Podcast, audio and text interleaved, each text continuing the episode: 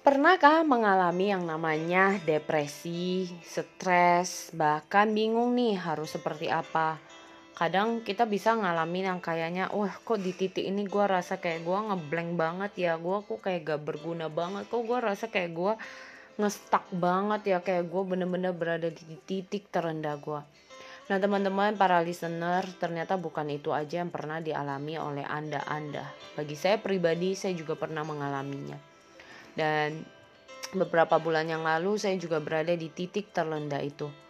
Namun yang saya mau sampaikan bukan soal negatifnya atau wah kok hidupnya kayak begitu.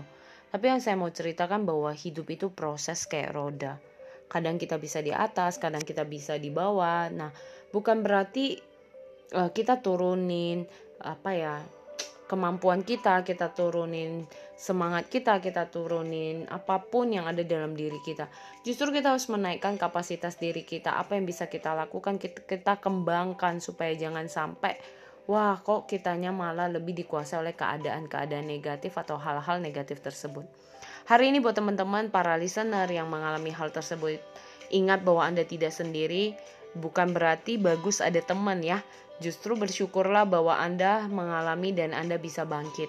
Karena yang lebih berbahaya adalah di saat Anda udah mengalami Anda tidak bangkit, Anda merasa depresi dan makin down. Wajar kita sebagai manusia kita pasti bisa depresi, marah segala macam. Namun ada batasnya untuk kita ingat bangkit dan tidak jatuh di dalam depresi tersebut. Semoga bermanfaat dan lakukan yang terbaik untuk kehidupan Anda.